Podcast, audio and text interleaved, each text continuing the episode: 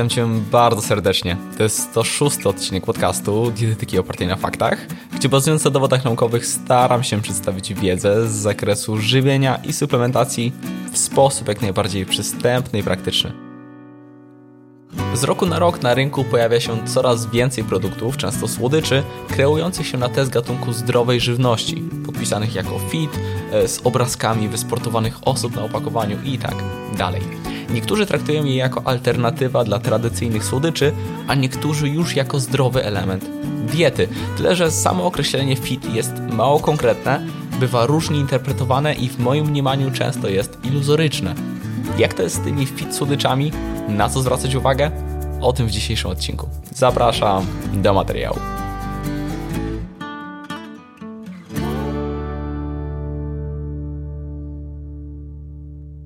Generalnie fit słodycze można omówić z kilku perspektyw, m.in. składu, kaloryczności czy relacji z jedzeniem.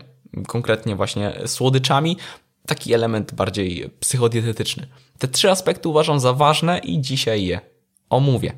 Zacznijmy od składu e, i zacznijmy od komercyjnych słodyczy dostępnych w sklepach. Prawda jest taka, że na tej płaszczyźnie jest bardzo różnie bo nie obowiązują żadne przepisy prawa w oznaczeniu fit, e, fitness, slim, a tym bardziej, gdy same obrazki na opakowaniu kreują zdrowszą żywność. Istnieje rozporządzenie e, Parlamentu Europejskiego i Rady w sprawie oświadczeń zdrowotnych i żywieniowych dotyczących żywności, ale znajdziemy tam określenia na przykład niska wartość energetyczna, niska zawartość cukrów, bez dodatku cukrów, wysoka zawartość białka, lekki.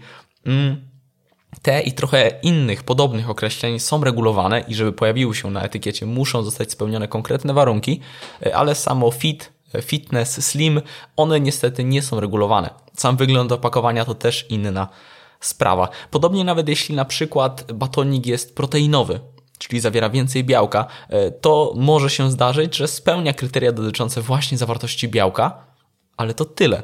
Trochę opinia publiczna sprawiła, że takie produkty traktujemy jako zdrowe.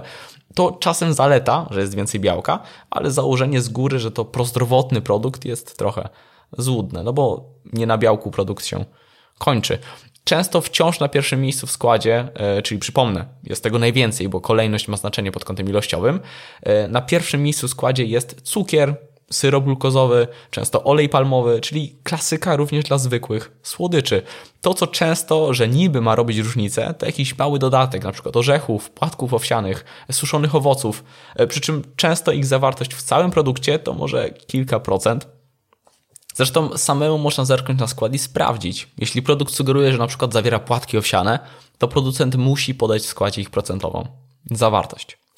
E, czy zawsze jest tak kiepsko? Zdecydowanie nie znajdziemy na rynku produkty, których skład w dużej mierze składa się na przykład z owoców suszonych, orzechów, e, niekiedy dodatku odżywki białkowej, czasem są pełnoziarniste zboża, gorzka czekolada, zamiast cukru na przykład erytrytol. Takie produkty się zdarzają i z punktu widzenia składu są bardziej wartościowe. Dostarczają przeważnie więcej witamin, e, składników mineralnych czy błonnika, a to ma znaczenie.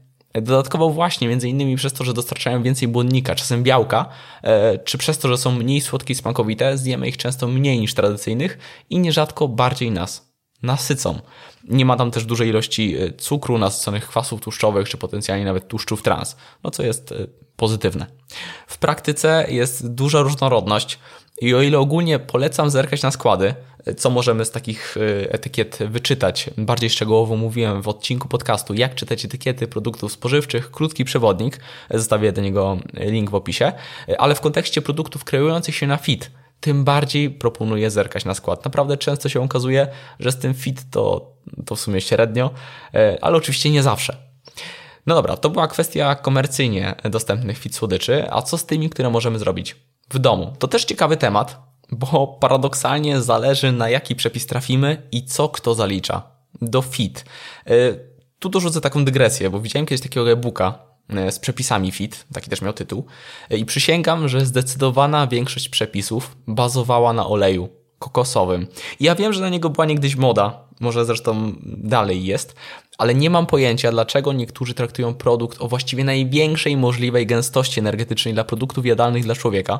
Przypomnę, w 100 gramach mam około 900 kilokalorii nie dostarczającego praktycznie żadnych wartościowych składników białka, witamin, składników mineralnych, niezbędnych nienasyconych kwasów tłuszczowych czy błonnika jako produkt fit. Łatwo z jego wykorzystaniem zwiększyć kaloryczność diety, przez co można zwiększyć ryzyko nadwagi czy niedoborów. Pomijam to, że jest bogaty w nasycone kwasy tłuszczowe, których spożycie w diecie powinniśmy ograniczać i już tu nie wchodzę w szczegóły w kontekście konkretnie kwasu laurynowego, e, głównego składnika oleju kokosowego. Zwyczajnie olej kokosowy fit zdecydowanie nie jest. Naprawdę nie wiem, jaką definicję słowa fit musielibyśmy przyjąć, żeby go do tej grupy zaliczyć. Więc o to mi chodzi. Podobnie z zamiennikami cukru. Jeśli zamiast zwykłego cukru damy cukier brązowy czy trzcinowy, to przykro mi, ale praktycznie nic się nie zmieniło. Cukier brązowy najczęściej nie różni się niczym od cukru białego, poza niewielkim dodatkiem melasy lub karmelu, które nadają mu charakterystyczny kolor. Wciąż jest to sacharoza w formie rafinowanej. Bywa, że właśnie pozyskiwany jest on nie z buraka cukrowego, lecz z trzciny cukrowej, E, może on wtedy pozostawać nierafinowany i rzeczywiście zawiera pewną ilość składników mineralnych, ale wciąż jest to dawka śladowa i praktycznie nieznacząca. Podobnie z innymi. E, czy wybierzemy syrop klonowy, syrop z agawy, czy nawet miód. Jest to wciąż glukoza i fruktoza bez większej ilości witamin, składników mineralnych czy błonnika, które wywierają podobne efekty metaboliczne. Tym bardziej, gdy poddajemy produkt później jeszcze obróbce termicznej. Ale y, podobnie jak z komercyjnymi, zdecydowanie można znaleźć fajne przepisy na zdrowsze alternatywy słodyczy z większą ilością zbóż pełnoziarnistych, y, owocami, warzywami, roślinami strączkowymi. Zamiast cukru na przykład wykorzystując ksylitol, erytrytol, można z tego korzystać. Inną grupą są jeszcze przekąski, takie słodycze dla sportowców, tam pojawiają się często bardziej rafinowane produkty i to ma swoje uzasadnienie z punktu widzenia sportu, ale to osobna, osobna grupa. Niemniej mamy pełną kontrolę nad tym, co w takim produkcie się finalnie znajdzie, co jest dużą zaletą, ale pozostaje jeszcze punkt trzeci, taki psychodietetyczny, e, który dzisiaj omówię. Ale najpierw punkt drugi, kaloryczność.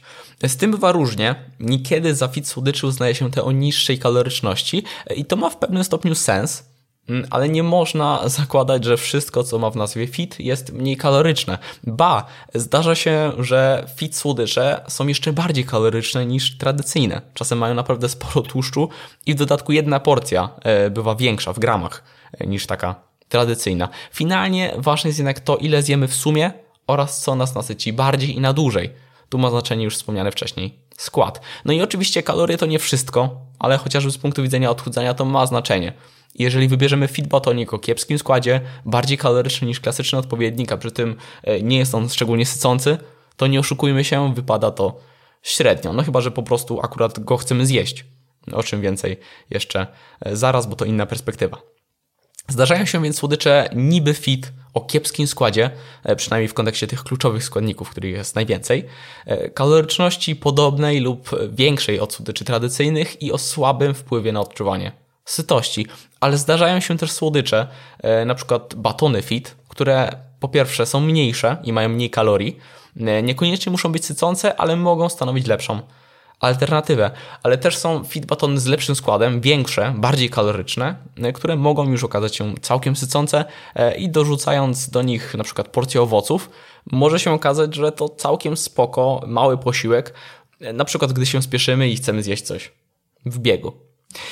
No dobra, e, i ostatni, trzeci punkt. Relacje z jedzeniem. Nasza głowa odgrywa tu ważną rolę. Wybór fit batona, nawet jeżeli jest niby fit z perspektywy, którą omówiłem, możemy znacznie łatwiej samemu przed sobą wytłumaczyć.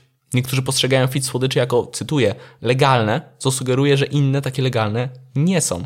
Co stwarza postrzeganie żywności czarno-biała. To szkodliwe podejście dla siebie samego czy siebie samej.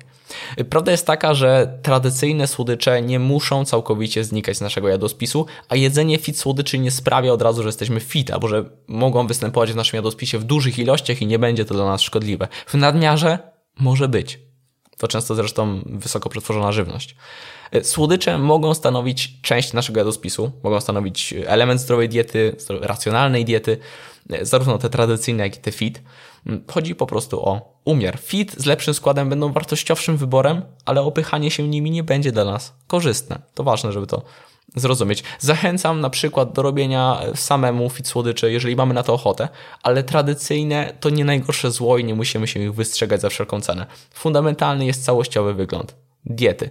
Zdarzają się zresztą sytuacje, że mamy ochotę na coś słodkiego, coś konkretnego i czasem zdecydowanie lepiej jest zjeść produkt oryginalny niż alternatywę, która nie oszukujmy się czasem mocno, ale to mocno odbiega od oryginału. Wiem z autopsji, e, próbowałem nieraz jakiś e, fit Snickersów, fit Raffaello i tak dalej. E, czasem miałem wrażenie, że osoby tworzące takie przepisy dawno nie próbowały oryginału, bo za nic w świecie to nie stało obok siebie. No może oprócz jakichś wspólnych elementów, jak na przykład wiórki kokosowe, tak w kontekście Raffaello.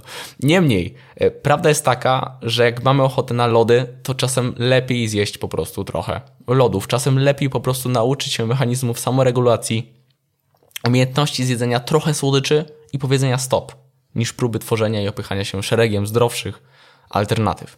E, spotkałem się z sytuacjami, gdy ktoś miał ochotę na coś słodkiego i sięgał na przykład po owoce, zjadł i wciąż miał ochotę na coś słodkiego e, i wybierał jakieś zdrowsze wafelki, zjadł, a z tyłu głowy wciąż chodziła ochota na coś słodkiego i dopiero po tym wszystkim zjadł to, na co miał początkowo ochotę, na przykład czekoladkę. Y, kwestia świadomego jedzenia. Jeżeli wiąże się to z napadowym obiadaniem się, no to mamy problem, tak? Nawet jak to całe fit ciasto, to fit tu dużo nie zmienia. Ogólnie więc niekiedy takie fit zamienniki mogą sprawdzić się dobrze, niekiedy kiepsko. Kwestia dlaczego je wybieramy, czego faktycznie oczekujemy i jaką mamy relację z jedzeniem. Y, podsumowując cały podcast, słodycze fit mogą być fit, i nie fit, dlatego sam napis niech nie usypia naszej czujności. Warto zwracać uwagę na skład, na kaloryczność, ale również z perspektywy wpływu na sytość, czy na smak, co oczywiste. Nie trzeba jednak ich jeść, jeśli chce się być fit. Można w ogóle nie jeść słodyczy lub można pozostać tylko przy tradycyjnych w ograniczonych ilościach. Zdrowy styl życia to nie zakazy i nakazy, to zdroworozsądkowe podejście. Mam nadzieję, że to, to wybrzmiało. To już tyle ode mnie. Do zobaczenia, do usłyszenia już niebawem. Hej!